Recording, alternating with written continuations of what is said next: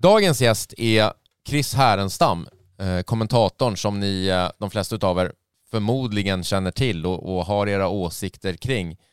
Um, och det här avsnittet blev en, en bra mix av allt, av allt möjligt. Vi pratar allt om, om eh, hur kommenteringen har förändrats under åren, uh, om Chris, delar av hans uppväxt som har fått honom att, att uh, kanske bli den han har blivit, till en massa andra saker. Vad tänker du Karin? Jag håller med och jag tycker det är häftigt att se. Han är så otroligt engagerad och uppriktig. Han har en sån uppriktig passion för det han gör. Så det, ja, det är häftigt och eh, det är kul också att höra det här, vad som händer bakom, hur han förbereder sig liksom, och de här eh, listorna med ord som man har framför sig. Mm. Ja, kul. Ja, sånt där är kul, sådana bakom kameran-grejer som man inte riktigt vet om. Det är roligt. Eh, hoppas ni också tycker det. Trevlig lyssning.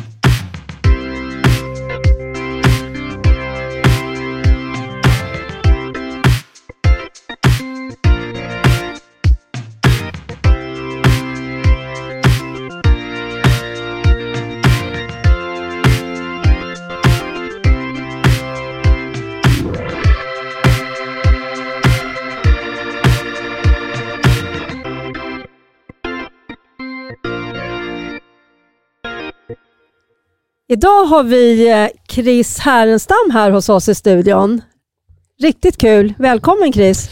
Tack så himla mycket. Jag har ju lyssnat på alla era avsnitt och nu får man äntligen sitta här så det kommer att bli väldigt mycket fokus på er. äntligen säger vi. Eh, jag tänkte så här att vi ska börja med ett klipp. Innan vi börjar presentera dig. Nu tror jag att väldigt många vet vem du är, men vi, vi kör det här klippet. För det tror jag är lite så här eh, känt, har det blivit. Är du beredd? Mm.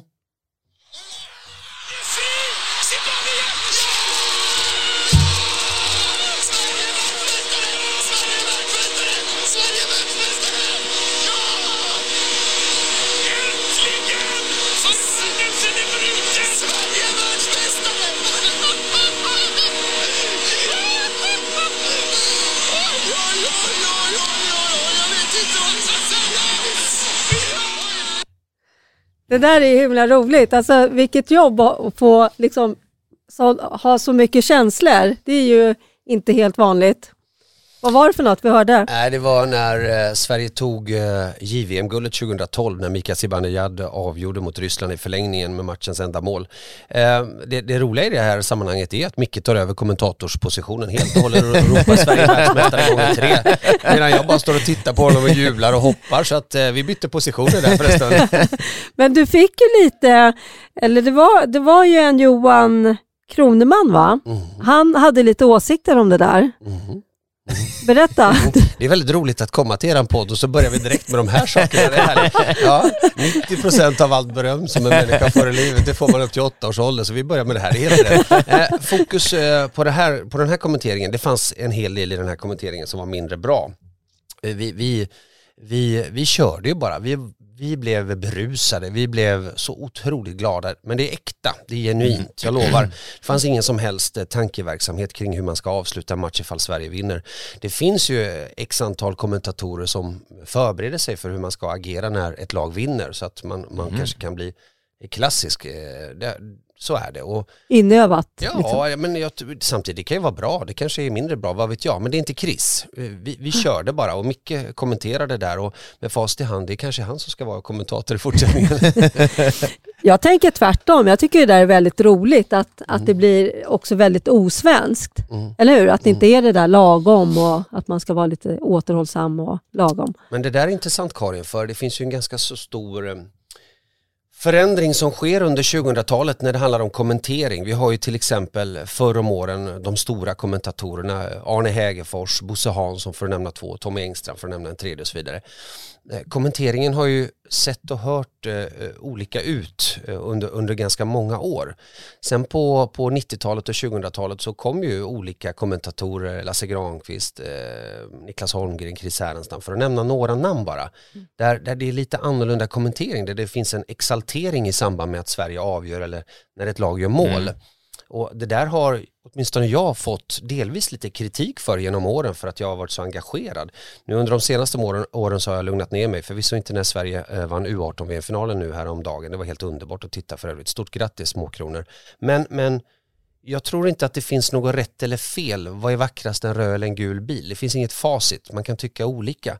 Men den äldre generationen har under de första åren på 2000-talet varit ganska så kritisk mot den typen av kommentering när det har varit väldigt exalterat.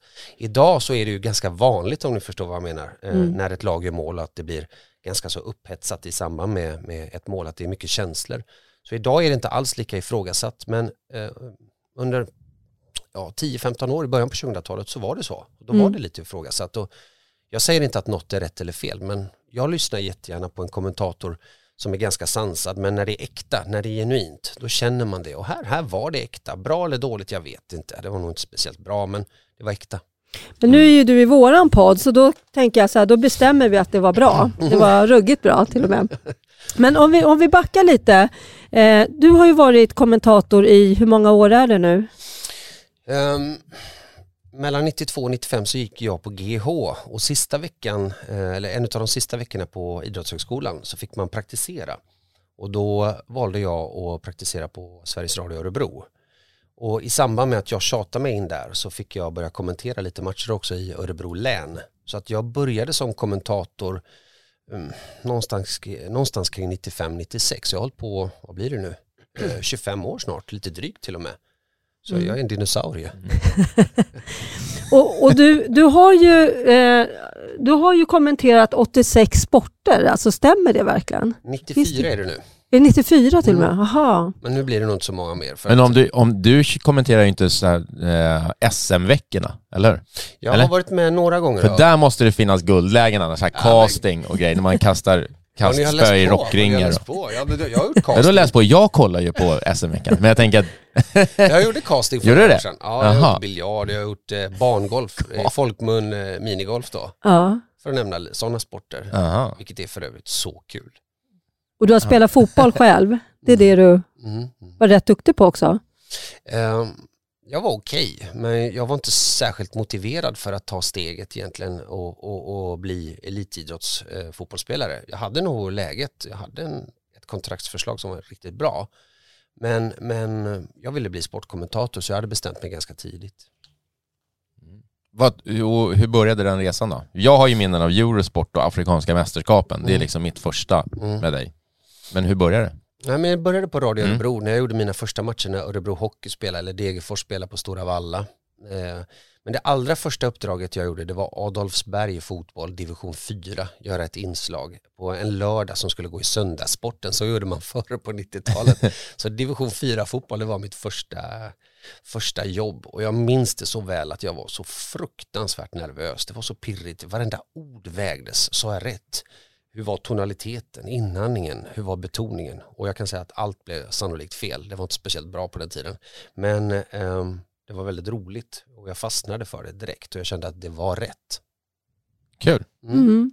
Du rabblade ju några namn där på, på kända, andra kända eh, kommentatorer. Mm. Va, vem har du haft som förebild sådär? Jag vet Nej, men jag, jag har ju växt upp med Arne Hägerfors och Bosse Hansson. Mm. Och och den leeringen på något sätt tycker jag är den optimala. Du har Bosse Hansson som är väldigt eh, påläst, eh, väldigt kunnig när han eh, refererar, när han gjorde det förr.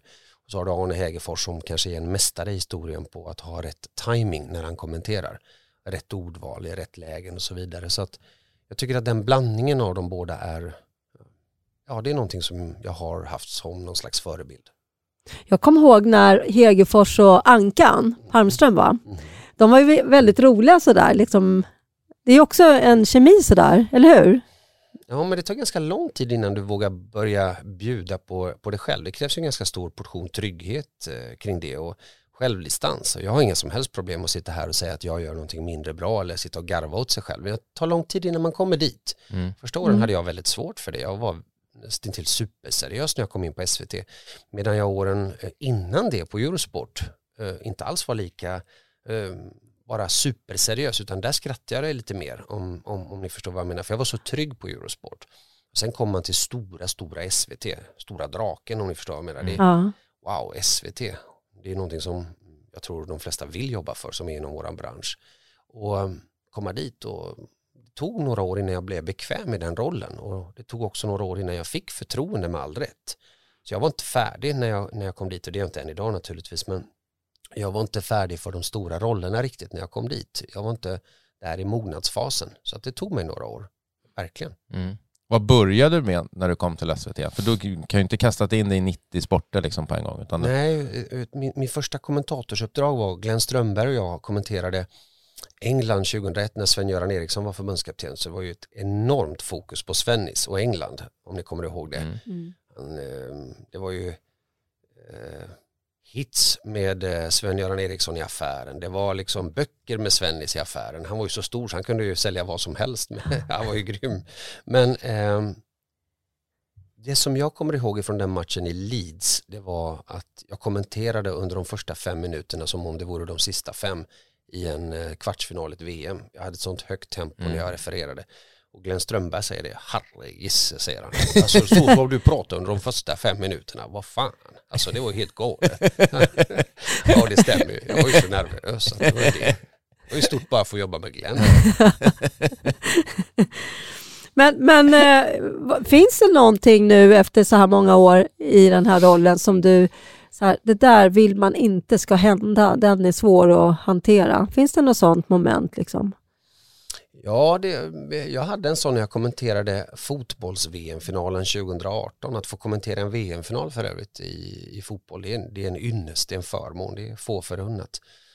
Men då visade det sig med fast i hand att det var Pussy Riot som sprang in på planen. Men då, då var jag väldigt orolig när de sprang in på planen för det hade inte no jag hade ingen aning om just när de sprang in om huruvida, om huruvida det var några huliganer eller terrorister eller något sånt där. Men då tyckte jag det var otäckt för man visste inte om det sprang in några för att ja, om de hade någon kniv i handen eller mm. om det skulle ske någonting våldsamt. Det tyckte jag var väldigt obehagligt och samtidigt också när det är en sån situation som det var med Christian Eriksen. Hjärtstoppet? Ja, när han var på väg att dö.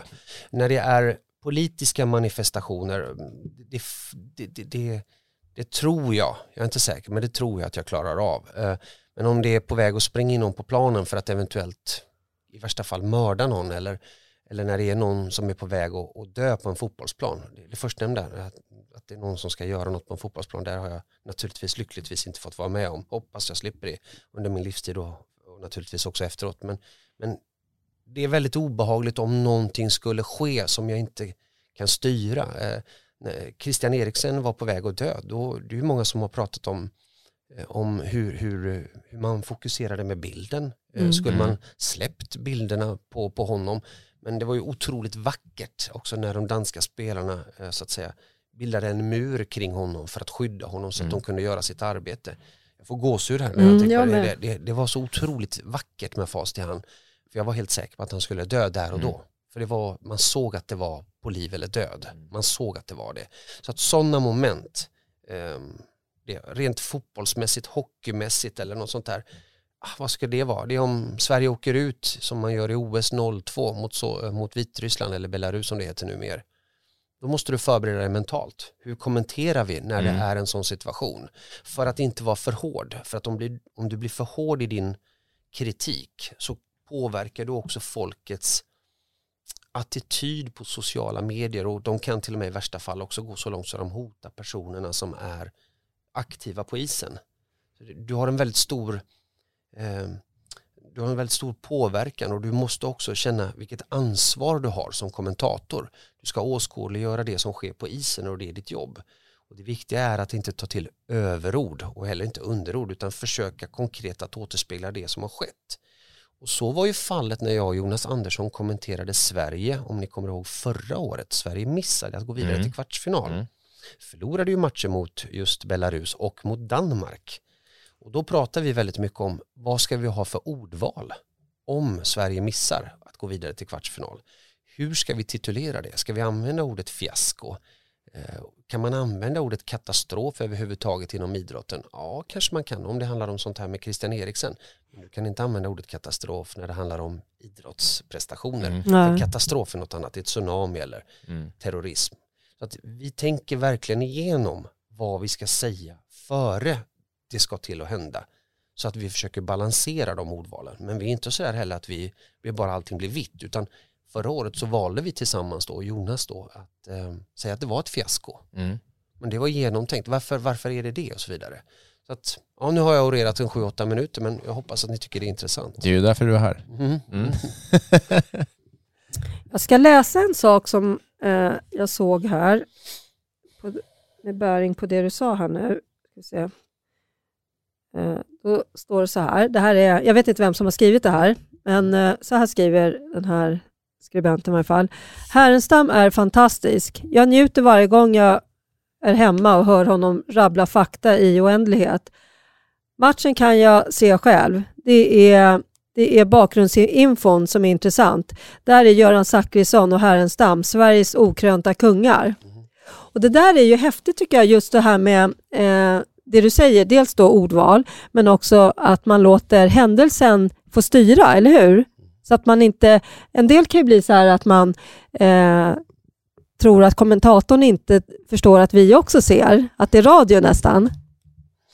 Men jag, jag, jag, jag har fått kritik också, det ska jag också säga här, eh, för att jag har pratat för mycket under vissa matcher under vissa perioder. Ehm, under de senaste åren har det ebbat ut ganska mycket och det har väl antagligen också att göra med mognad och att det, det är alltid matchen som är det viktiga. Jag är bara en bro för, för, för tv-tittaren. Jag ska så att säga åskådliggöra matchen, eh, hitta detaljer som är intressanta ur, ett, eh, ur en tv-tittares perspektiv. Det är alltid tv-tittaren som är min, jag gillar inte ordet, men klient eller kund, Mm. utan jag jobbar för honom eller henne eller dem. Och det är väldigt viktigt att tänka på det. Men Glenn Strömberg sa ett väldigt, eh, en väldigt bra sak för några år sedan. Han sa det att det är alltid matchen som är viktigast, inte du.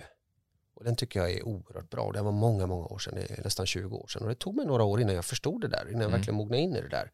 Och mm, så är det idag. Jag kan vara, jag minns en sekvens ifrån från fotbolls-VM, tror jag det var 2018. Det kan ha varit senast.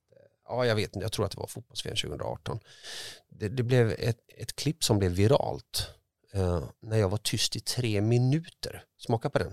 Tre Det minuter. är lång tid alltså. Mm. Ja, i fotboll. Mm. Tre Mm. minuter. Och, och det, det, var, det var liksom så här att ja, men det hände ju ingenting. Om bollen går i backlinjen mellan högerback, vänsterback, mittbackar eller vad det nu är frågan Mm. om. Det behöver inte jag kommentera speciellt mycket för det ser alla andra utan det är när det börjar bli intressant.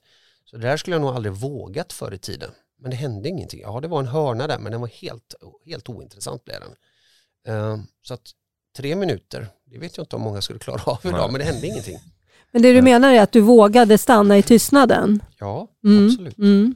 Men blir det där skillnad, jag tänker oftast är ni ju två stycken, det är du och så någon expertkommentator, men som exempelvis U18-finalen och semifinalen häromdagarna så är du ju ensam. Mhm. Det måste ju ändå bli lite annorlunda liksom, just när det kommer till de där delarna eller? Ja, eh, ja det är det. För då, då får jag ju agera både kommentator och, och expertkommentator. Och det sistnämnda kan kanske vara lite obehagligt. Mm. Men jag gillar ju det. Men å andra sidan så tycker jag ju om då att, att ringa till x antal personer för att få så mycket kunskap som möjligt. Det är tack vare de här telefonsamtalen som jag får kunskap. Så att jag har ju pratat i timmar med Magnus Hävelid som är förbundskapten för Småkronorna. Grattis än en gång till guldet, bra jobb där. Men då är det så här att han har ju delgivit mig en massa information om varje spelare.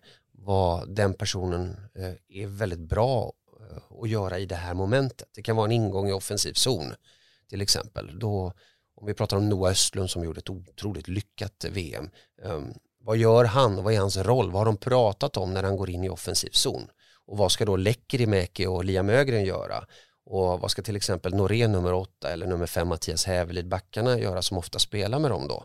Så att man, man lär sig vad olika personer har för, för roller och sådana här nörddetaljer pratar vi om. Och det är jätteintressant. Och jag tror och hoppas också att de personerna som jag ringer upp till uppskattar det för då är de ju intresserade av att prata om det de har pratat om. Varför borde de uppskatta det? Jo, för att tv-tittaren borde ju vara intresserad Mm, av det mm. här. För det är ju tv-tittaren återigen som är den som vi jobbar för, gör det här för, alltså vi på SVT då. Mm. Men jag tänker, när du då får den där informationen, eh, hur mycket vågar du ha en egen uppfattning kontra bara sitta och vidarebefordra det du har fått? Mm, intressant fråga. Eh, men naturligtvis är det så alltid så här att när, när, om du Karin säger någonting till mig så tolkar ju jag på det utifrån min, min levnadstid och, och hur jag är uppväxt och så vidare. Och det innebär ju också konkret att jag ställer ju motfrågan, ja, men ser ni inte några risker i det här så att vi får en diskussion, jag och Magnus Hävelid till exempel här i det här fallet. Så jag ställer ju frågor, sånt som jag tycker är intressant. Så det kan ju bli ganska så, jag ska inte säga debatt, men det blir en intressant diskussion för att ta det vidare. Men vad händer då om Noah tappar pucken när de här två ytterforwardsspelarna åker in samtidigt? Vad händer då? Ja, men då kan det bli en tre mot tvåa.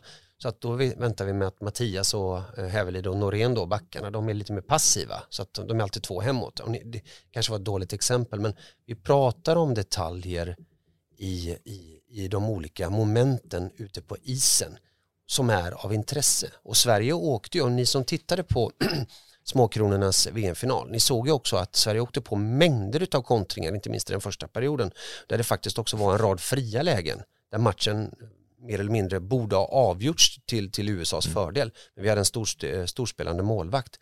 Så det fanns ju taktiska detaljer då som inte var lyckosamma. Och där kunde jag då i min kommentering kritisera det svenska spelet. Att nu får de inte tappa pucken igen i den här fasen för då kommer det leda till en passning. För USA ville i den matchen ha snabba kontringar och det fick de också väldigt många. Så det svenska spelet var långt ifrån optimalt i den första perioden. Ändå hade laget med sig 2-2. Och då kan jag kritisera tack vare den informationen som jag delgivits. Mm. Vad säger ni? Ni är tysta. Ja, men du pratar ju. Vad ska tänker. vi säga? vi ska vara tysta i tre och en halv minut. Vi ska vinna. Ja men du lyssnar ja. mycket Mange. Jag är bra på att lyssna. Ja, men... ja det är inte alla som tycker det. Men... det där var ironi. Ja det var ironi och internt jag kommer inte outa den. Men, men uh, men vad säger ja. ni då som lyssnar? Ni, ni som tittar, vad säger ni när jag säger det här? Vad, vad, tycker ni att det låter konstigt eller hur tänker ni? Nej, jag tänker det som en förutsättning egentligen för att vara så väl förberedd som möjligt. Jag har ju såklart aldrig gjort det där, men jag tänker bara vad jag själv skulle behöva göra för att känna att jag kan göra ett så bra jobb som möjligt i den situationen. Att just att samla in så mycket ja, info eller vad man ska säga innan. Jag vet att du ringer mig inför TV-pucken varje år för att prata om spelarna genom vår trupp och du gör ju såklart det med alla tränare i det läget. Och då förstår jag att du gör ju samma sak om du ska åka och kommentera någon handbollsmatch någonstans. Så det är ju helt omöjligt för dig att ha koll på allting från början utan att du måste få den infon någonstans ifrån. Och för där tänker jag väl ändå att det är alltid, som jag sa tidigare här, så mitt första minne av dig innan jag, jag visste inte vem du var då, men det var ju Afrikanska mästerskapen på Eurosport, kanske sent 90-tal eller däromkring. Och då kommer jag bara ihåg att vi som tittade på det där kände så här, den här jävla kommentatorn, hur fan kan han snacka ju om de här spelarna som att de är, så att man vet vem det är typ. Mm. Om man så att ha koll på någon back i Namibia eller i Zimbabwe, man har ju noll koll. Mm. Jag kände till en spelare i hela Afrika ungefär. Sadio Mané Nej, nej, Mohamed Kalon. ja, just ja, det. Ja. Han var väl i AIK en gång i tiden? Nej, men jag spelade med honom i Spånga en sommar. Ja. Så att ja. därför tittade vi typ på det. Ja. Så att vi visste vem det var. Så en kille från Sierra Leone. Ja. Coolt. Så, ja. De vann äh. västafrikanska mästerskapen en gång med Roger Palmgren som förbundskapten för länge sedan. Mm. Det var stort. Ja. Nu tänkte jag svara på den frågan mm. du ställde. Och eh, jag tänker så här när jag hör dig att du är väldigt lagom, liksom så här behaglig och väldigt duktig på att få med din bisittare. Och det har jag tänkt på att du, eh, om de är lite ovana eller kanske säger fel eller säger något som så fångar upp dem på ett jättefint sätt. Och det har jag tänkt på. Det där är inte tur eller det där är ren skicklighet att du eh, skapar den här, alltså att eh, du är ändå den som är erfaren och den eh, andra då har expertisen men inte, inte kunskapen kring det här. Det tycker jag är häftigt faktiskt. Kul att du säger det, för jag jobbar väldigt mycket med kemi. Uh, um, kan ta, ja, Alltså de jag jobbar med, de trivs jag ihop med, annars skulle jag inte jobba med dem. Det skulle ha en påverkan på det naturligtvis. Men får Men, du välja vem du vill jobba med? Eller? Nej, inte bara så här, jag går in och säger till Åsa Edlund Jönsson som är sportchef att den här vill jag jobba med och då blir det så. Nej, men det är ju en diskussion vi för tillsammans, dialog, vi är ett lag. Vi jobbar väldigt mycket med, med, med dialog och transparens och öppen kommunikation på, på den här nivån. Då. Så vi pratar då om vem eller vilka som skulle kunna passa och varför. Och jag tror att väldigt mycket av, av kommenteringen handlar om att ha personkemi. Vi kan ta, eh, som vi pratar hockey, det här är Hockeysnackpodden. Jag och Jonas Andersson eh, som ska kommentera Beijer Hockey Games och när det här går ut så har det precis spelats. Eh, Eh, men när vi spelar in det här så ska det till att spelas. Eh, vi ska kommentera och vi trivs ju väldigt bra ihop. Det finns ju en personkemi, vi känner varandra utanför så att säga kommenteringen. Och, och vi vågar också hjälpa varandra med utmaningar. Att så här tänker jag eh, Jonas när, när, du, när du säger så här då, då hamnar jag i den här svåra situationen eller bra situationen. Mm. Så vi har en tydlighet för att kunna hjälpa varandra för att utveckla varandra. Så det som i många ögon är, kallas för kritik, det tycker vi liksom att det är ju att utveckla varandra, hjälpa varandra. Så det är viktigt att man är mottaglig för att det är någonting som han har för avsikt att förbättra mig kring när han mm. säger någonting. Så inställningen måste ju vara sådan och där har vi hamnat sedan ganska lång tid tillbaka. Mm. Har han någon gång sagt så här, Chris, du säger för en stund väldigt ofta? Har han sagt så? Eh, det där får du utveckla, för ja, det hänger inte jag med alls på. Nej, nej, men det gör jag vet, eller det hör jag, man har ju så här grejer som så här, jag ja. har garanterat också det saker som jag säger ofta, som jag inte tänker på, så kan man väl säga det så fan, nu sa jag det där igen. Ja, det, för Chris det säger ju jätteofta eller? för en stund, där var det farligt för en stund eller? Ja, ja. Och då, då, men, det, det, det, där är otroligt bra sagt, alltså, för att vi har ju en lista nu kommer vi in på riktigt nördiga saker. Ja men det här är ju intressant. Ja, vi har ju en lista på synonymer till ordet bra och så har vi en Aha. lista på synonymer till ordet dåligt. Det är ett A4-ark med ord. Och mm -hmm. Vi hade en playsändning förra året i en fullständigt betydelselös match. Så gjorde vi en, en litet experiment, jag och Jonas. Och alla, alla orden som vi hade på bra, de skulle vi avverka på Aha. 20 minuter i en period. Och det var ju liksom mirakulöst och extraordinärt. Ja. Och, det var sådär. och alla var lugna ner er, allt är inte så jävla bra. Nej, vi, vi, fick med dem orden ja. en gång på 20 minuter. Men visst har vi det så. Ja. Och det, det, är ju jättebra. Eh, klassiskt eh, ord inom sportjournalistiken som är överanvänt är ju man.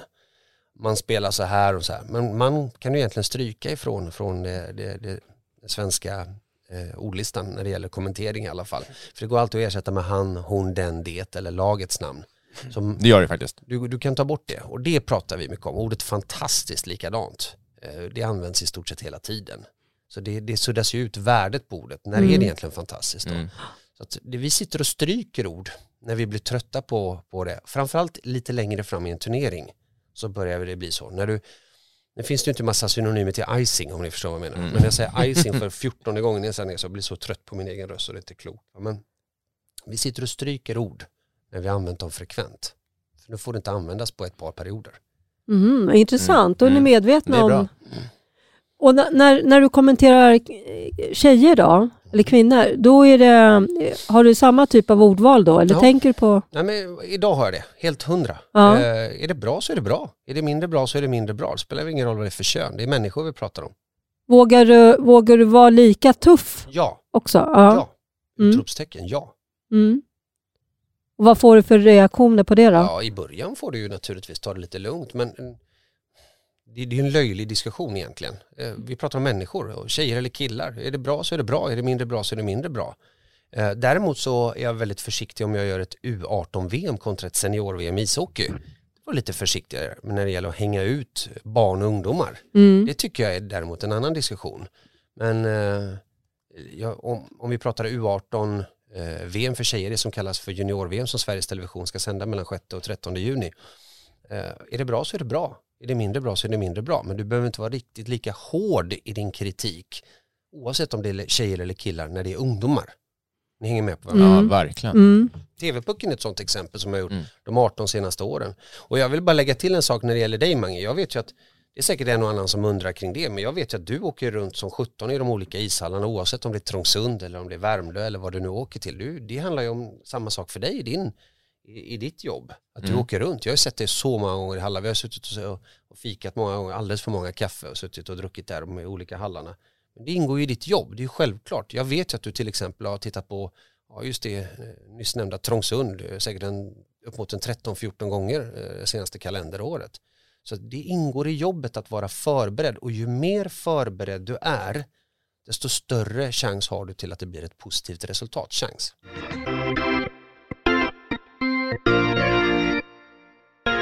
Vi är sponsrade av Athletic Work. Athletic Work är ett bemanning och rekryteringsföretag som hjälper personer med någon form av idrottsbakgrund på alla nivåer.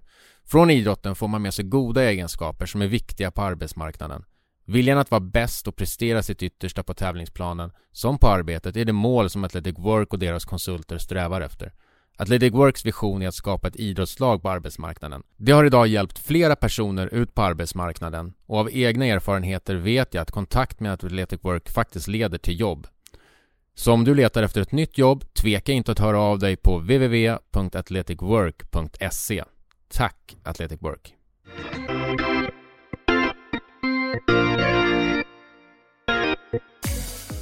Att livesända hockey ska vara för alla, oavsett nivå. Med Solidsport kan din förening eller ditt lag tjäna pengar till lagkassan och samtidigt dela spänningen med era supportrar som inte kan närvara på plats. Över 500 hockeylag sänder redan sina matcher hos oss. Det är enkelt, kostnadsfritt och ni får en anpassad scoreboard. Så vad väntar du på? Skapa en kanal på solidsport.com.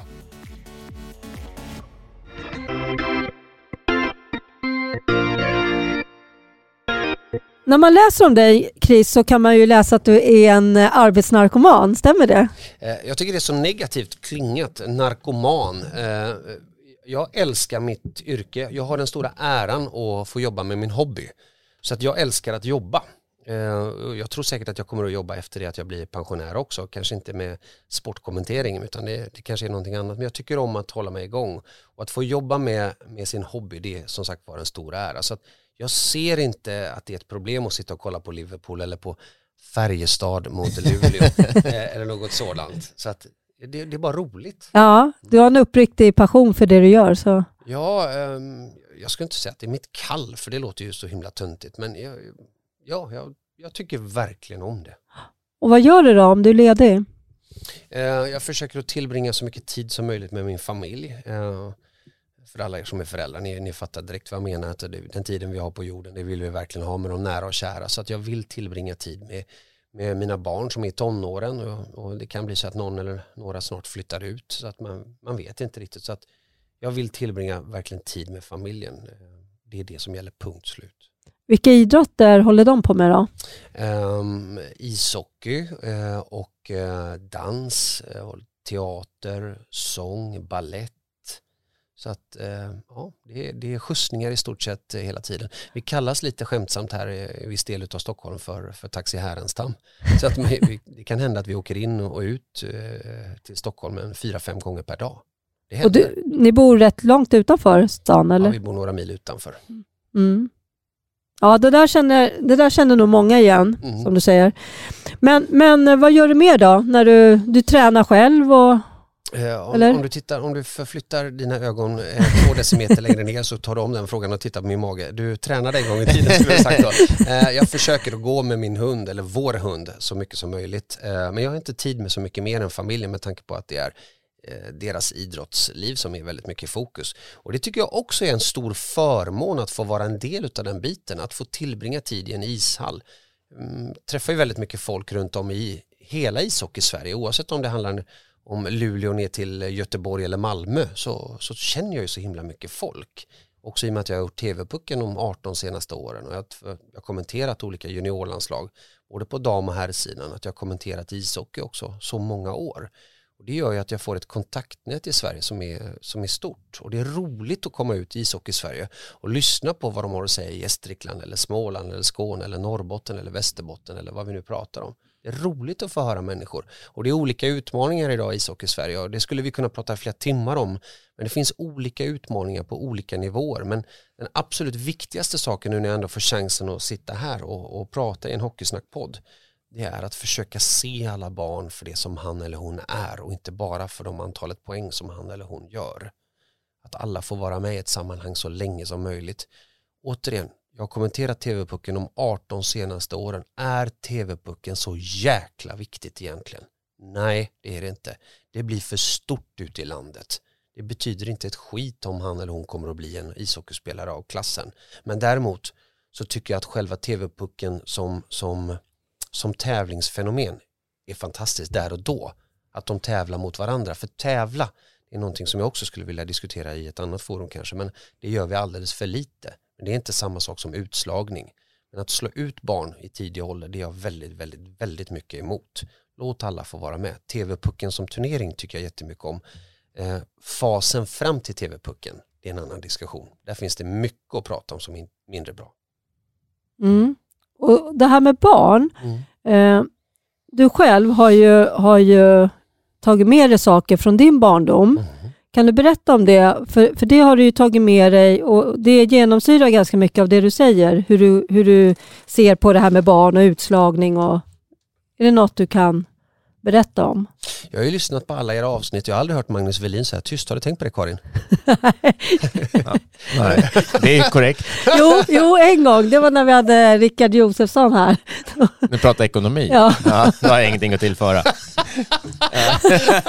hade jag kunnat vara med här men jag har inte heller något att tillföra.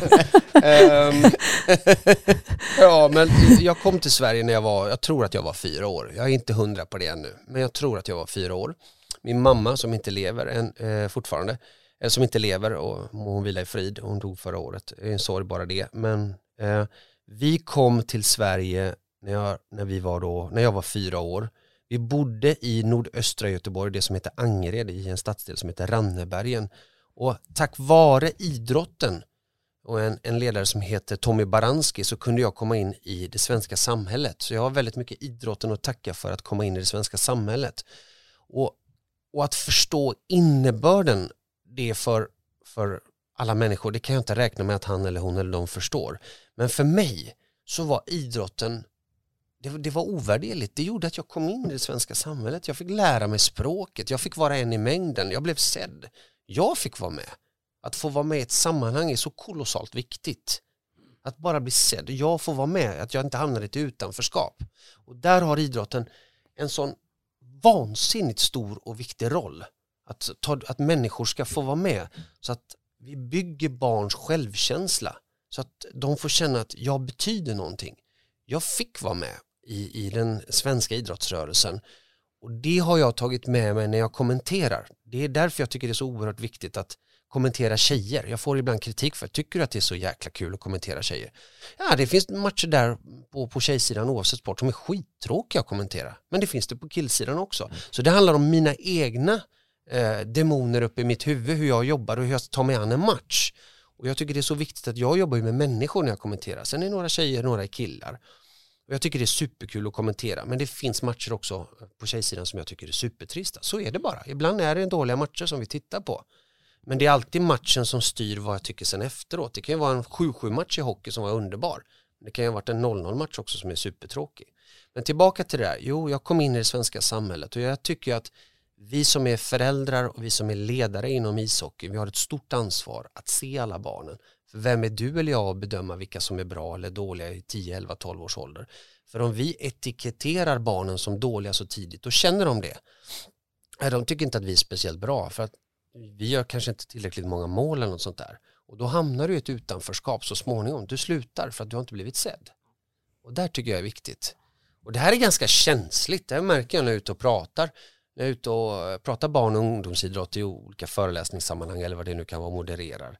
Att där, där har vi väldigt mycket att prata om i det svenska samhället inom ishockeyn. För det är många som tycker som jag men det är få som lever som de lär. Vad säger ni? Vad säger du Mange? Mm, jag tror absolut att det är så. Det är ju, det känns, jag är ju inte sådär jätteinsatt i och för sig i de här yngre åldrarna. Jag kommer ju in igen, eller spelarna kommer ju in i min, mitt liv eller min, mitt jobb när de är typ 14, 15, 14 kanske då. Där någonstans. Så att innan dess, då är det mycket mer vad man hör, hur det funkar och sådär. Både hur sportchefer har det uh, i sin relation till föräldrar och det är en stor föräldraproblematik, det är jag helt övertygad Så är det bara. Uh, och då tror jag också lite grann som du pratar om, så att redan i 10, 11, 12 års åldern så, så ska man kategorisera dem som, som bra eller dåliga och nej, men det är inte bra för min son eller dotter att spela med de här, för då blir inte den tillräckligt bra. Liksom. Och det där är ju skitsnack. Liksom. Uh, det måste kunna finnas någonting för, för alla, oavsett vilken förening man är i de åldrarna. Liksom. Att man både får med de som faktiskt de lever för det här och vill göra det jämt. Förhoppningsvis är det barnet som vill och inte bara föräldrarna som vill.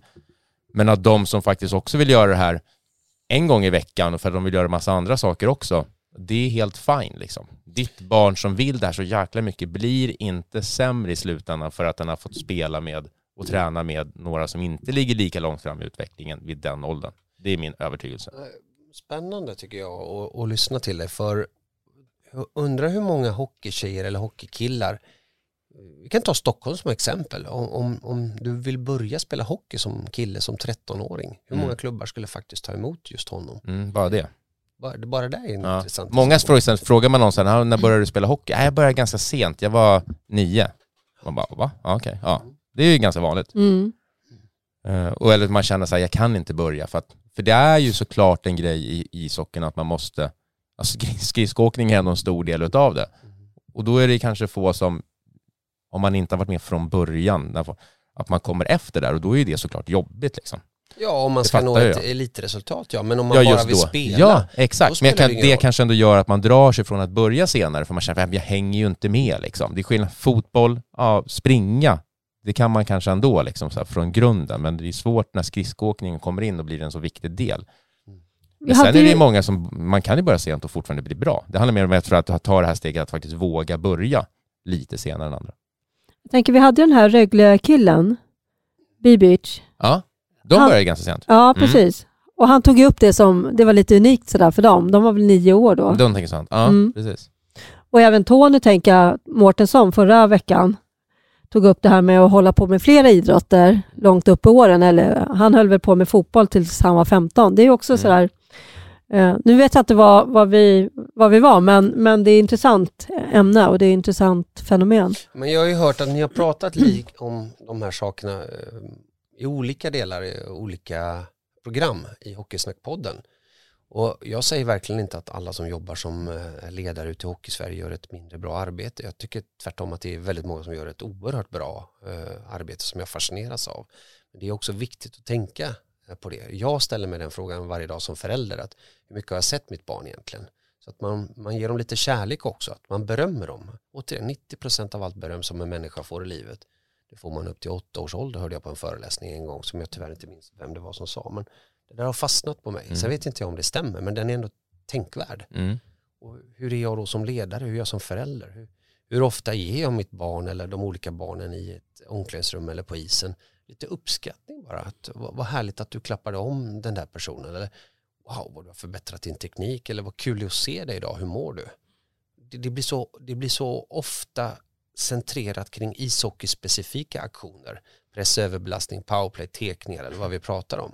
För att glömma bort den humanistiska biten och det gäller mig själv lika mycket som jag funderar på i stort sett varje dag. Har jag varit en bra person idag mot andra? Mm. Det gäller ju liksom i arbetsliv och allting. Mm. Nu, det är ju, mm. Ska jag köra? Nej. Nu jävlar. Åh, Vi håller i Nej, oss. det- under armarna. Nej, jag, tänk, jag tänker släppa det där. Och sen, jag är ju jag är intresserad av det som vi var lite grann inne på förut, sådär. Du, att du kommenterar en jäkla massa olika sporter. Att du är, du känns i alla fall, eller du låter väldigt insatt. Och då tänkte jag så här, hur, vad har du för liksom taktik? Eller hur lägger du upp en vecka? Du, för det kan ju på riktigt vara så att du har en, en fotbollslandskamp på tisdagen någonstans, ni någonstans i Sverige och sen så åker du någon annanstans och så är det någon handbollsmatch på onsdag och sen är det en CHL-match på torsdag och sen är det ytterligare något annat på fredag. Så här. Hur funkar det för dig? Liksom? Hur, hur gör du det? Om ni skulle göra ett test på mig här och fråga om vilka spelare som spelar i olika klubbar på ganska hög nivå om ni förstår vad jag menar eh, så skulle jag nog kanske inte kunna det för att jag har en lite autopilot. Jag stänger av när jag har gjort handbollsmatchen på tisdag för jag har hockeylandskamper på onsdag för att göra eh, volleybolllandskamp på lördag för att göra bordtennis på söndag. Mm. Så jag stänger av, så jag kopplar bara bort. Jag river alla mina papper som jag haft inför en sändning. Jag sparar Gör inte. Jag river allt. Och varför det? Jo, för jag tvingas börja om.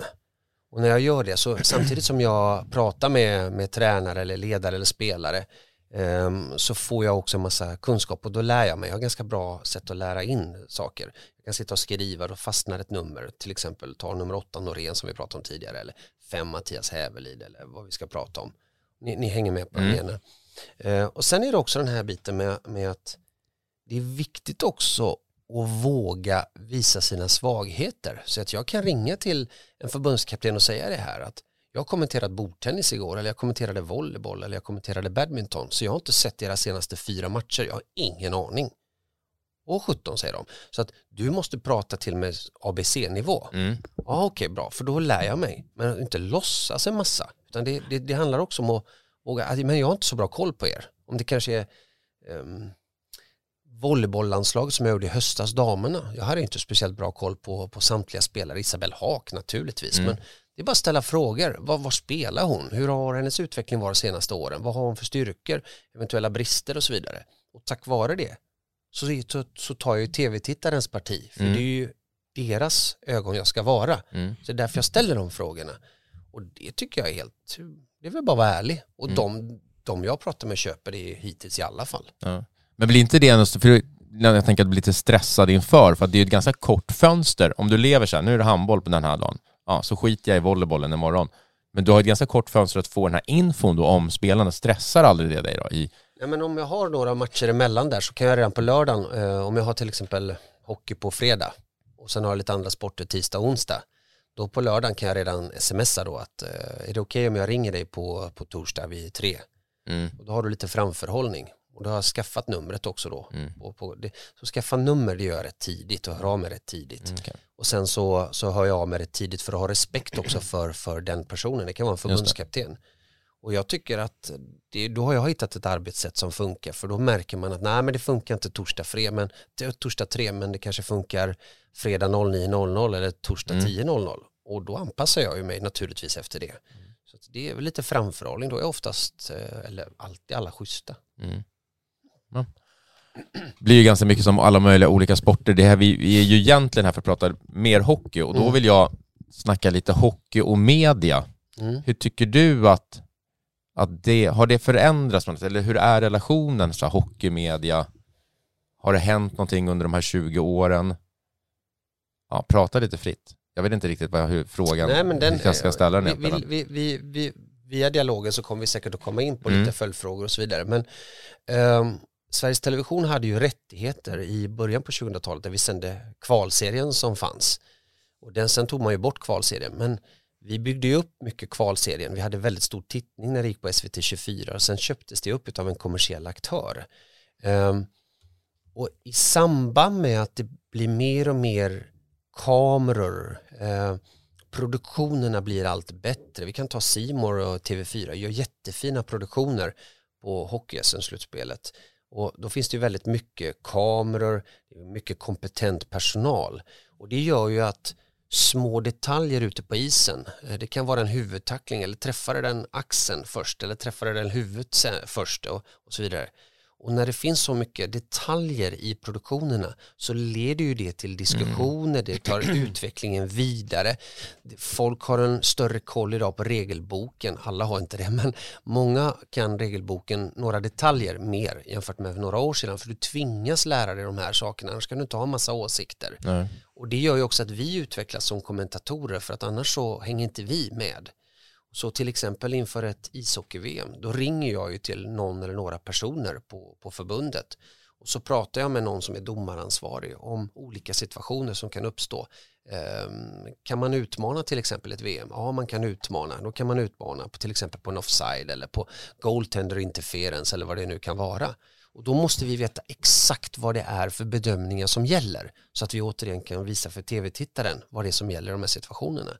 Och i vissa fall så är det så här att inte ens jag eller Jonas vet vad det är som gäller. Och då sitter jag oftast med en, en, eh, en person som jag litar på som kan regelboken. Det kan vara någon inom förbundet, det kan vara någon som har eh, vanlig domarposition och så vidare. Så att, eh, det kan vara någon annan domare som är före detta sådan. Så att då får jag oftast ett sms inom 30 sekunder. Regelboken säger det här, punkt, paragraf, bla bla bla. Och så här, säger, så här Mm. borde bedömningen vara. För det tar inte, eh, de är sällan klara inom 30 sekunder med bedömningen, Mm. det ska videogranskas och så Mm. vidare. Och det, det är bara att erkänna sina fel, för att vissa grejer kan inte, kan inte vi. Men tack vare produktionerna så har det blivit väldigt mycket fokus kring till exempel hjärnskakningar, spelet har gått vidare, men det är också produktionen när man ser saker. Mm. Men spelet har utvecklats också. Det är en annan detalj som är intressant. Det är ett oerhört, eh, det är en oerhört stor skillnad tempomässigt jämfört Mm. med 20 år sedan. Eh, och det, det, tvingas ju också, det tvingar ju också ledare att tänka på hur man ska utbilda sina spelare. Men spelarna har blivit så mycket snabbare. Det är kortare tid för att ta ett beslut. Mm. Och det, det gör att spelintelligens idag är någonting som är makalöst viktigt. Alltså otroligt viktigt att ha en spelintelligens. Mm. För det gäller att ta snabba beslut på korta stunder och det är de som är lite mer spelintelligenta. De gör ju det. Kan man träna då spelintelligens? Och det är inte jag mannen att svara på men då blir det intressant. Mm. Mm. Jag vet inte om det här väcker några frågor hos er men så, så Nej så men det är ju jag. intressant att produktionen, det som har hänt med produktionerna har utvecklat er också för att då måste ni, ja, ja ni blir bättre helt enkelt för att ni måste, ja, ni måste utveckla er. Mm. Ja, men all den här, ser det något minus i att det är att produktionen ändå, att de här kamerorna är överallt, man har en otrolig tillgång för media i omklädningsrum, ja, i pauser, allting sådär. Är det enbart positivt? Uh, nej, det kanske är det. Jag märker lite men. på din ton här. jag, jag, nej, men jag tycker nej, att det är roligt. Som publik ja. så tycker jag att det är jättekul att kunna se hur men det funkar i omklädningsrummet. Om jag är coach så är det kanske inte lika givet faktiskt. Nej, och, och, och jag förstår din poäng och jag håller med dig plus ett på den för jag tycker att i omklädningsrummet så ska de få vara. Uh, du har ju ibland en kamera men du mm. hör inte vad de säger. Nej, ibland precis. kan du höra om de tillåter det.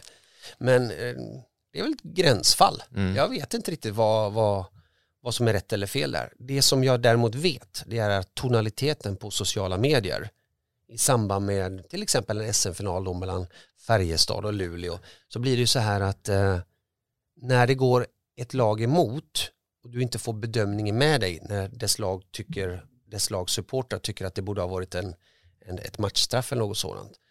Då blir det så hårt klimat gentemot domare, mot, mot det andra lagets supportrar.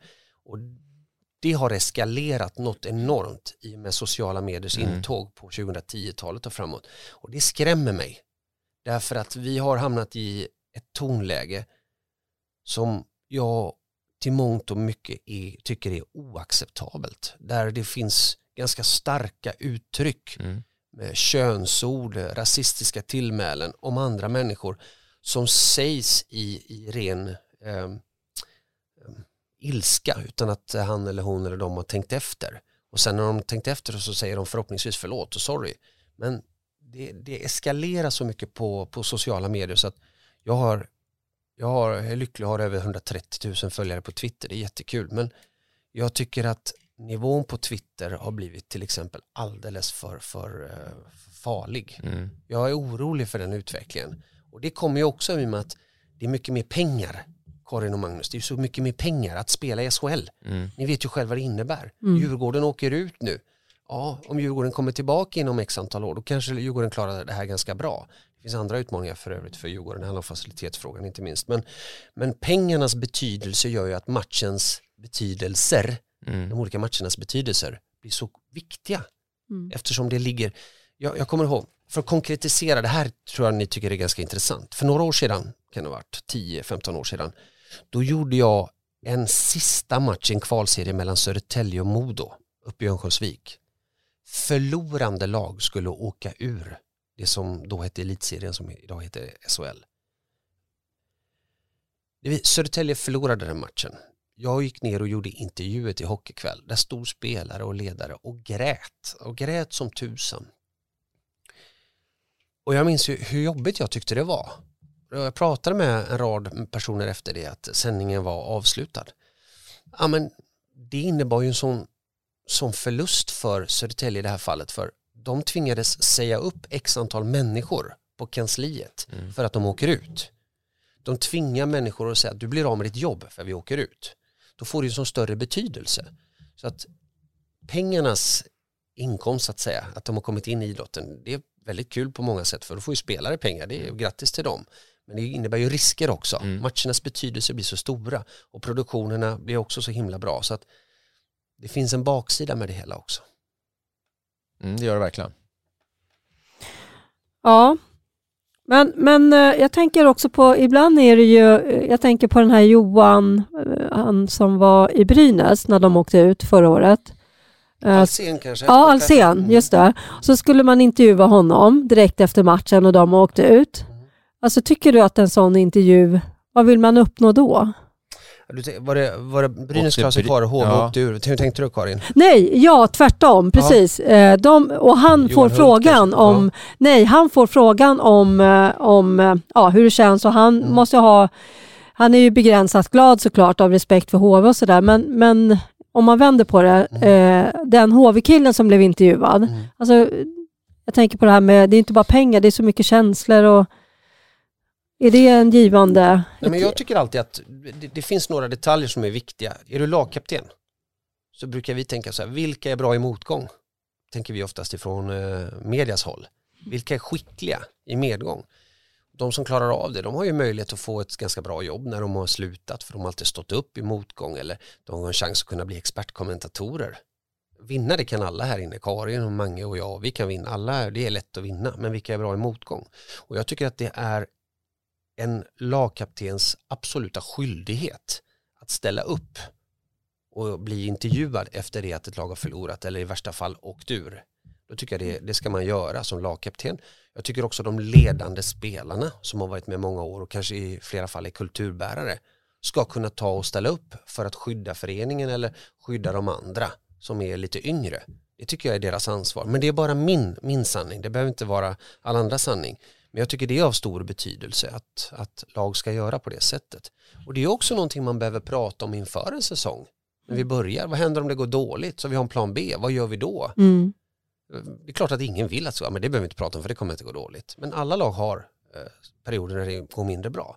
Vem eller vilka pratar de med media? Vilka skickar vi ut? Vilka vill ta det ansvaret och sånt där? Och sen är det så här naturligtvis att media kan ju säga att vi önskar intervju med, med Karin eller med Magnus. Ja, men då, då kanske man säger, ja, då, då, den personen tar hand om skridskorna nu, så, eller ska jag springa på herrarna snabbt? Så här. Men det blir ju så här att den personen oftast kommer dit. Man, man har det samarbetet, så de ställer oftast upp. Det är ingen deal man har mellan, så här måste det vara, utan ni, alltså, men, Det bestäms ofta under pågående period, det säger sig själv. Vi säger att eh, mm, mm, Einar Emanuelsson gör eh, två mål i en SM-final och som knappt har gjort ett mål på en säsong. Då är det givet att han kommer att bli intervjuad.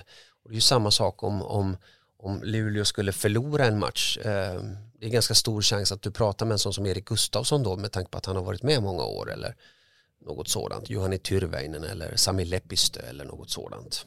Mm. Karin börjar skriva här, då blir vi tysta så börjar vi titta på vad hon skriver. Ja. Jag blir sjukt nyfiken. Men men det, vi, vi, det finns ju samma sak här att vi, vi kan ju också prata om, vi pratar ju mycket herrishockey här, vi kan ju också prata till exempel om nu när jag kommenterade SM-finalen på, på damsidan så var det så här att Brynäs spelade ju SM-final och var favorit mot Luleå MSSK och där vann de den femte avgörande matchen inför en fullsatt arena för första gången också. En, en, en, en åskådarsiffra som var många, många tusen, det blev nytt rekord. Och där är det så här också att vem eller vilka ska du göra intervjuer där? Och tjejerna är ju inte speciellt vana vid att ha 8000, 7000 eller 6000 på läktarplats, spela avgörande SM-finaler när det sänds i, i stor-tv. Men det är också någonting som de måste vänja sig vid. Det är ju fantastiskt att vi har hamnat i det läget. Mm. Nu, använder jag ordet fantastiskt för första gången. Mm, det är ändå bra gjort. Efter men- 58 minuter. Det är bra ju. Nu stryk det på din lista här nu. jag borde använt det för en stund sedan. Det borde du gjort. Men, men eh, ehm, Chris, det här, med, det här med förberedelse, det är ju någonting eh, viktigt för dig. Och då, då tänkte vi testa dig lite hur väl du har förberett dig inför det här samtalet med oss. Mm. Så vi har, av en händelse så har vi några poddrelaterade frågor här. Mm, kör.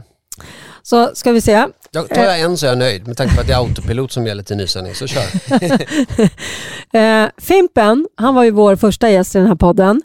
Och eh, vilken är hans moderklubb? Vad kan vara Fimpen? Jag skulle säga, vänta ge mig några sekunder, jag skulle säga Haninge eller Huddinge, han är ju en söder. Jag säger Haninge. Vändelsö. Vändelse, var Det är nära. ändå bra Ja. gissat. Ja, bra. Det var bra. Eh, podden, vi har ju tre sponsorer. Mm. Vet du vilka tre? Eh, active Work, eller heter de så? Athletic Work. Athletic Work. Eh, sen har du ju, vad heter de? Solid Sport har ni också, Just det. men den tredje tar jag inte. IQ Fuel. Ja, okej. Mm.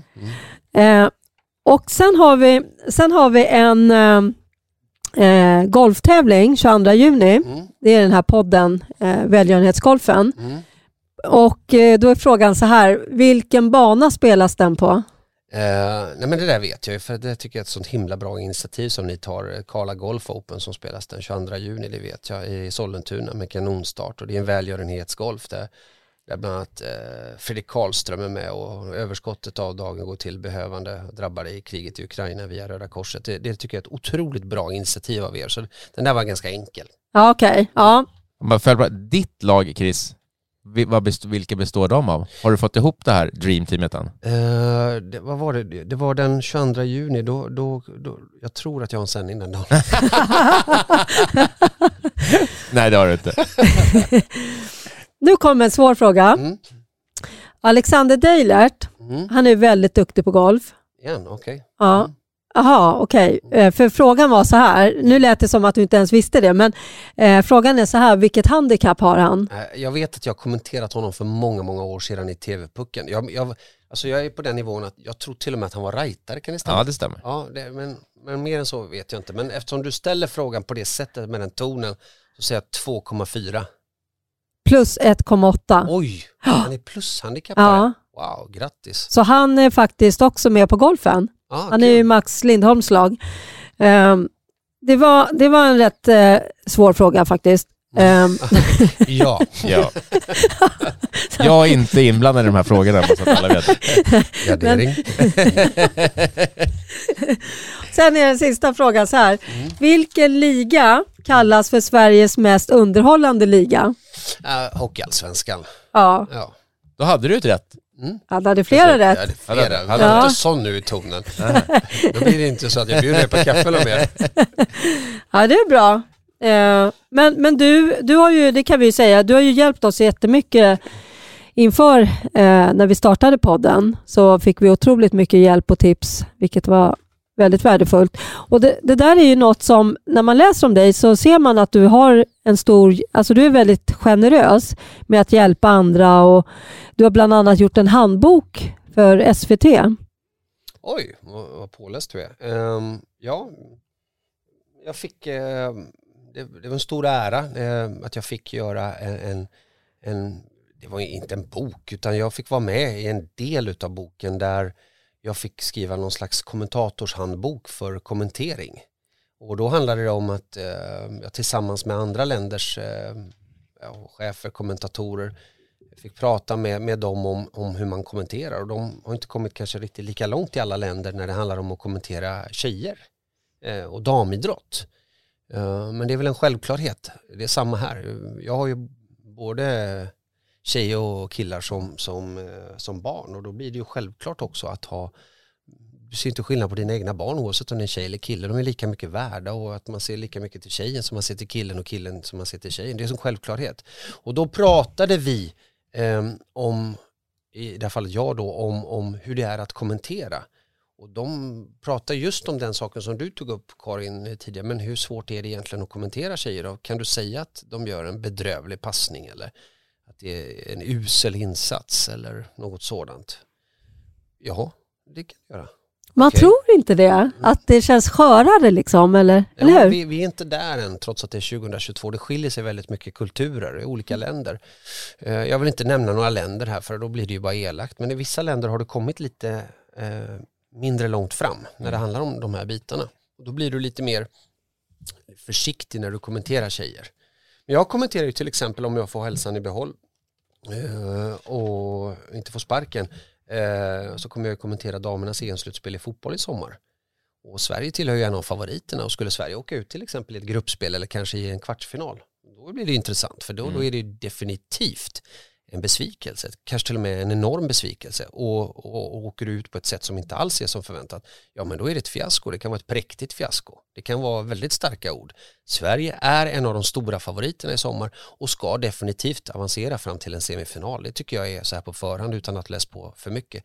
Eh, inte ett krav, men det, det är nästan till ett sådant. Mm. Mm.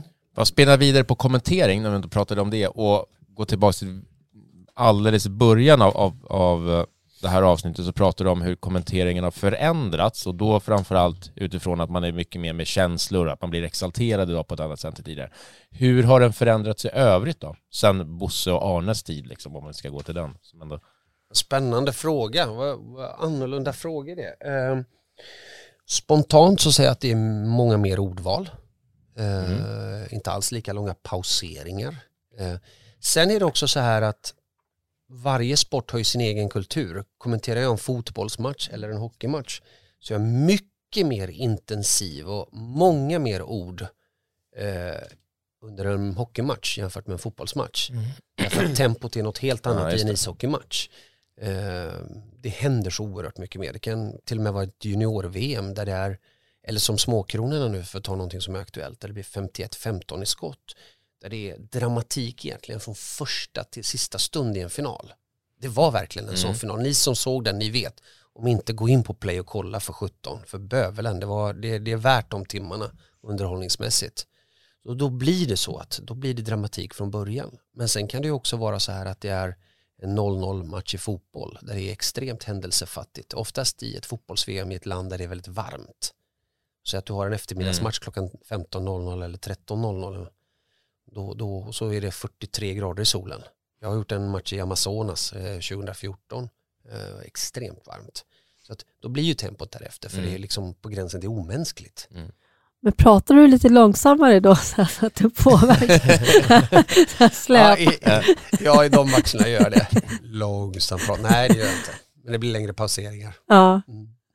Visst har min lilla analys i att expertrollerna också har förändrats på så sätt att man är experterna idag är betydligt mycket mer av experter tycker jag. De ger tv-tittarna mer, även oss som är då i mitt fall mer insatt i hockeyn, oavsett om det är någon annan sport då, så att, så att man inte bara ger de här som bara tittar för att de, det är lite kul att titta men jag kan inte ett skit liksom. Där känns det som att experterna var förr. Att det var nästan som att det var två kommentatorer. När så här Arne och Anka satt och, och, och pratade hockey så kändes det som att det Ankan sa som expert, det var ju liksom, det hade vem som helst kunnat säga. Men idag är det ju inte riktigt så. Idag måste man liksom kunna ganska mycket för att kunna vara expert. Jag tycker de ger mycket mer. Ehm, det där är intressant på många sätt för eh, tar du till exempel Sveriges Television och vi sänder en match i början av ett ishockey-VM och vi har mot en, ja, sett Sverige spelar sin första match i ett ishockey-VM då kanske du har 1,4 miljoner tittare, vad vet jag. Och då kan du inte räkna med att samtliga av de 1,4 miljoner tittarna har en kunskapsnivå som är på din nivå Manges och så vidare. Så är det såklart. Och, och Karins. Och då är det då, då måste du prata på ett annat sätt jämfört med lite längre fram i en turnering. Så du måste dra lite mm. grunder i början av en turnering. Mm. Men du gör inte det kanske i slutet av en turnering för då förväntar du dig att några har varit med under resans gång. Medan de kommersiella aktörerna då eh, kan ta Nento med Viaplay eller Simor TV4 som för övrigt gör jättebra sändningar båda två de aktörerna, väldigt väldigt bra sändningar. Att de de vänder ju sig till en publik som aktivt har köpt, betalat pengar för en rättighet. Mm. Hänger ni med? Mm. Så att de förväntar sig också de som är tv-tittare att jag får lite mer. Jag har köpt, jag har betalat av mina privata pengar för det här. Då ska Sant. kunskapsnivån vara någon helt, mm. annan, helt annan när det handlar om nördighet. Men jag tycker inte att eh, på något sätt för att förringa våra experter med Renberg, Jonas Andersson, Nisse Ekman, de är ju hur bra som helst, de är precis lika kunniga. Men du börjar kanske på en annan nivå jämfört med hur det är på slutet. Intressant. Men om du börjar med en NHL-sändning då, om du tar pågående slutspelet nu mellan Pittsburgh New York Rangers, då pratar du kanske inte om vad en, eh, en challenge är eller vad en icing är eller något sånt här. För det, det är så himla givet. Mm. Utan du är mm. nere på, på ruta D direkt och pratar nörddetaljer. Mm. För målgruppen är mer kunnig. Ja, målgruppen är hela svenska folket, hela tiden. Medan de kommersiella kanalerna kanske inte har på en NHL-sändning 1,4 miljoner tittare. Eh, utan de har lite färre och då, då är det sådana som aktivt har köpt rättigheten och då förväntar de sig att det som jag ska få här nu det är underhållning och det är leverans av nördighet. Så det, det, det, det är någonting som jag också funderar mer och mer på som kommentator att jag går mer och mer åt att bli underhållare. För att det blir så mycket idag. Alltså titta på nu när det är i brytperioden mellan vinter och sommarsporter. Det är allsvenskan i fotboll ena dagen, det är SHL-slutspel, det har varit eh, eh matcher för HV71 mot Björklöven och så vidare. Det, det, det, det finns ett enormt utbud. För att jag som aktiv tittare ska göra en selektering, ett val, så förväntar jag mig att bli underhållen. Annars kommer jag inte titta på det, för jag tycker att det är tråkigt så tittar jag på något annat. Mm. Så underhållning, det är ett ord som jag funderar väldigt mycket på i mitt huvud. Och vad går gränsen till att man ska, hur, vad, hur mycket ska man underhålla? Hur mycket ska man driva med sig själv? Hur seriös ska man vara? För att man kan inte bara vara hela tiden dyngseriös. Man måste skratta lite också. Så underhållning är ett viktigt ord. Mm. Jag tänker, har inte kravställningen också blivit annorlunda från, från era arbetsgivare på, alltså jag tänker på det här med experter nu, hur, alltså att man måste kunna mer, för jag tänker nu är det så lätt för vem som helst att googla liksom, och ha ganska mycket kunskap. Och då blir det ju som du var inne på Mange, liksom, att Ankan sitter där och är lite skön och rolig och de garvar, det, det kan ju vem som helst göra och då Mm. blir det ju det du är inne på, liksom, att man måste bidra med något. Eller? Kan det inte vara så enkelt? Så som Arne och Anka var, de var ju fantastiska på sin tid. Andra Absolut. gånger säger. Det, Ja, det, det, det säger inte absolut. emot det. Utan var sak har sin tid. De var ju briljanta när de var aktiva. Det som är intressant är att många tror att man måste vara så himla påläst också hela tiden. Ja, det måste du vara, för det ska du använda vid rätt tillfälle. Men ta återigen, för jag tycker det är ett bra exempel, U18 VM-finalen mellan Sverige och USA. Du behöver i en tredje period vara noll påläst. Mm. Va? Vad säger han nu Chris? Du behöver inte vara ett skit påläst. Varför inte det? Nej, därför att du behöver bara följa matchen. För den är i sig så underhållande och så betydelsefull. Så det är rätt ointressant att dra en massa småfakta. För folk vill ändå bara se hockeymatchen Mm. för det är så I dramatiskt. det läget Mm. är det så. Ja. Ja, Mm. så att det, det, det är bara det det handlar om. Så att i vissa fall, när tillfälle ges, apropå Hägerfors och timing eller i vissa lägen, apropå Bosse Hansson och faktakunskap, så är det bra med de båda olika sakerna. Vissa saker måste du prata bara om detaljer, till exempel när det är ett byte i fotboll. Då kan det vara intressant att veta vem hon är som har spelat för den här klubben och hur många mål hon har gjort den här säsongen, vilken position hon har och så vidare. Mm. Ni förstår vad jag menar? Mm. Absolut. Mm. Mm. Bra ju. Är, det, är det någonting du tycker så här, det här har de inte frågat om som vi borde tagit upp? Nej, det är lite för lite prat med er. Jag ber om ursäkt redan till, till, till, till dig som lyssnar att det blev alldeles för mycket prat från min sida. Så att, men kanske var det någonting som Tror fastnade. du att folk säger va? Pratade Chris? Det var så fan. ja. Ja. Nej, men det var lite för lite inbjudan till er, så sorry för det. Ja, Nej. den här gången. Så Magnus, ska. Ja. vill du ta sista frågan? Ja, vi har ju vår vanliga sista fråga Mm. såklart Chris. Mm. Eh, tips på ämne eller person till oss här i podden. Och nu var ju ni så schyssta så att ni gav mig den frågan eh, bara typ en och en halv minut innan eh, den här inspelningen. Och det var ju ditt uppdrag då Magnus. Jo, men jag tänkte så här, Chris har ju lyssnat på alla avsnitt. Han kanske har hört att den här frågan har ställts någon gång. Men eh, jag kom på, får jag säga två saker? Ja. Mm. Och, eh, för det första så tycker jag att ni ska ta och ta hit en, en kille som heter Sebastian Pisano. Han är kinesiolog eh, och han är en sån där som jobbar med kost, träning, eh, eh, med allting i ett. Det är en all inclusive tränare om ni förstår vad jag menar. Mm. Och det vore jätteintressant för det är så inte bara blir kost i en avsnitt eller träning i ett annat avsnitt utan han jobbar också med mycket med den psykiska delen mycket med mentalt. Han tittar på vad är det du behöver, var är du i din fas? Och han jobbar med väldigt många namnkunniga, väldigt många namnkunniga. Så att Mm. eh, ni får fråga honom vilka han vill eh, delge med namn. Men den andra biten för att göra det ännu mer hockeyanknytande, det är att jag skulle tycka det var intressant om ni spelade in ett avsnitt någon gång med någon representant ifrån till exempel Norrbotten eller Västerbotten, ifrån kanske Stockholm, kanske från Göteborg eller Skåne eller Småland. Så vi tittar lite på vilka utmaningar respektive distrikt har. De fyra regionerna blir då eh, representanter för olika frågor. Det kan Mm. vara utslagning, det kan vara TV-pucken, eh, det kan vara vad ligger vi efter idag i svensk hockey? Vad, vad ligger vi i framkant i? Så att man får olika utmaningar för det som är intressant. Hockeysnackpodden är ju för hela landet, inte bara 08-området eller Verkligen. Göteborg. Verkligen. Så att det där är, vore jätteintressant att lyssna på till exempel Norrbotten, Västerbotten, Göteborg, Småland, Skåne. Ja, ni, jag bara exemplifierar, det Mm. kan vara andra distrikt, jag vill verkligen betona det. Men att du får hela landet representerat. Och så har man en moderator, en konferenser, en programledare och så har man det redaktörat med några punkter. Och så får vi debatt. Mm. Så får alla ta, komma till tals. Om det kanske man skulle göra två timmar istället för en. Det skulle vara intressant. Då skulle man kunna bjuda in också eh, gäster eller alltså åhörare som får också från, komma med frågor och funderingar till den här panelen. Ja, absolut, det, det, det är upp till er. Det var, jag bara... Mm. Ja, men det- en Ja, det är jätte, Jätte- jättebra. ja. Båda tipsen är kanon. Mm, verkligen. Snyggt ju! Mm. Mm. Innan jag avslutar bara, eh, stort tack för att jag fick komma hit och jättekul att lyssna på er i program efter program. Keep up the good work så hörs vi. Tack så mycket. Tack så mycket. Stort tack för att du tog dig tid att komma hit till oss här idag. Tack. Och stort tack till dig som har lyssnat. Vi hörs.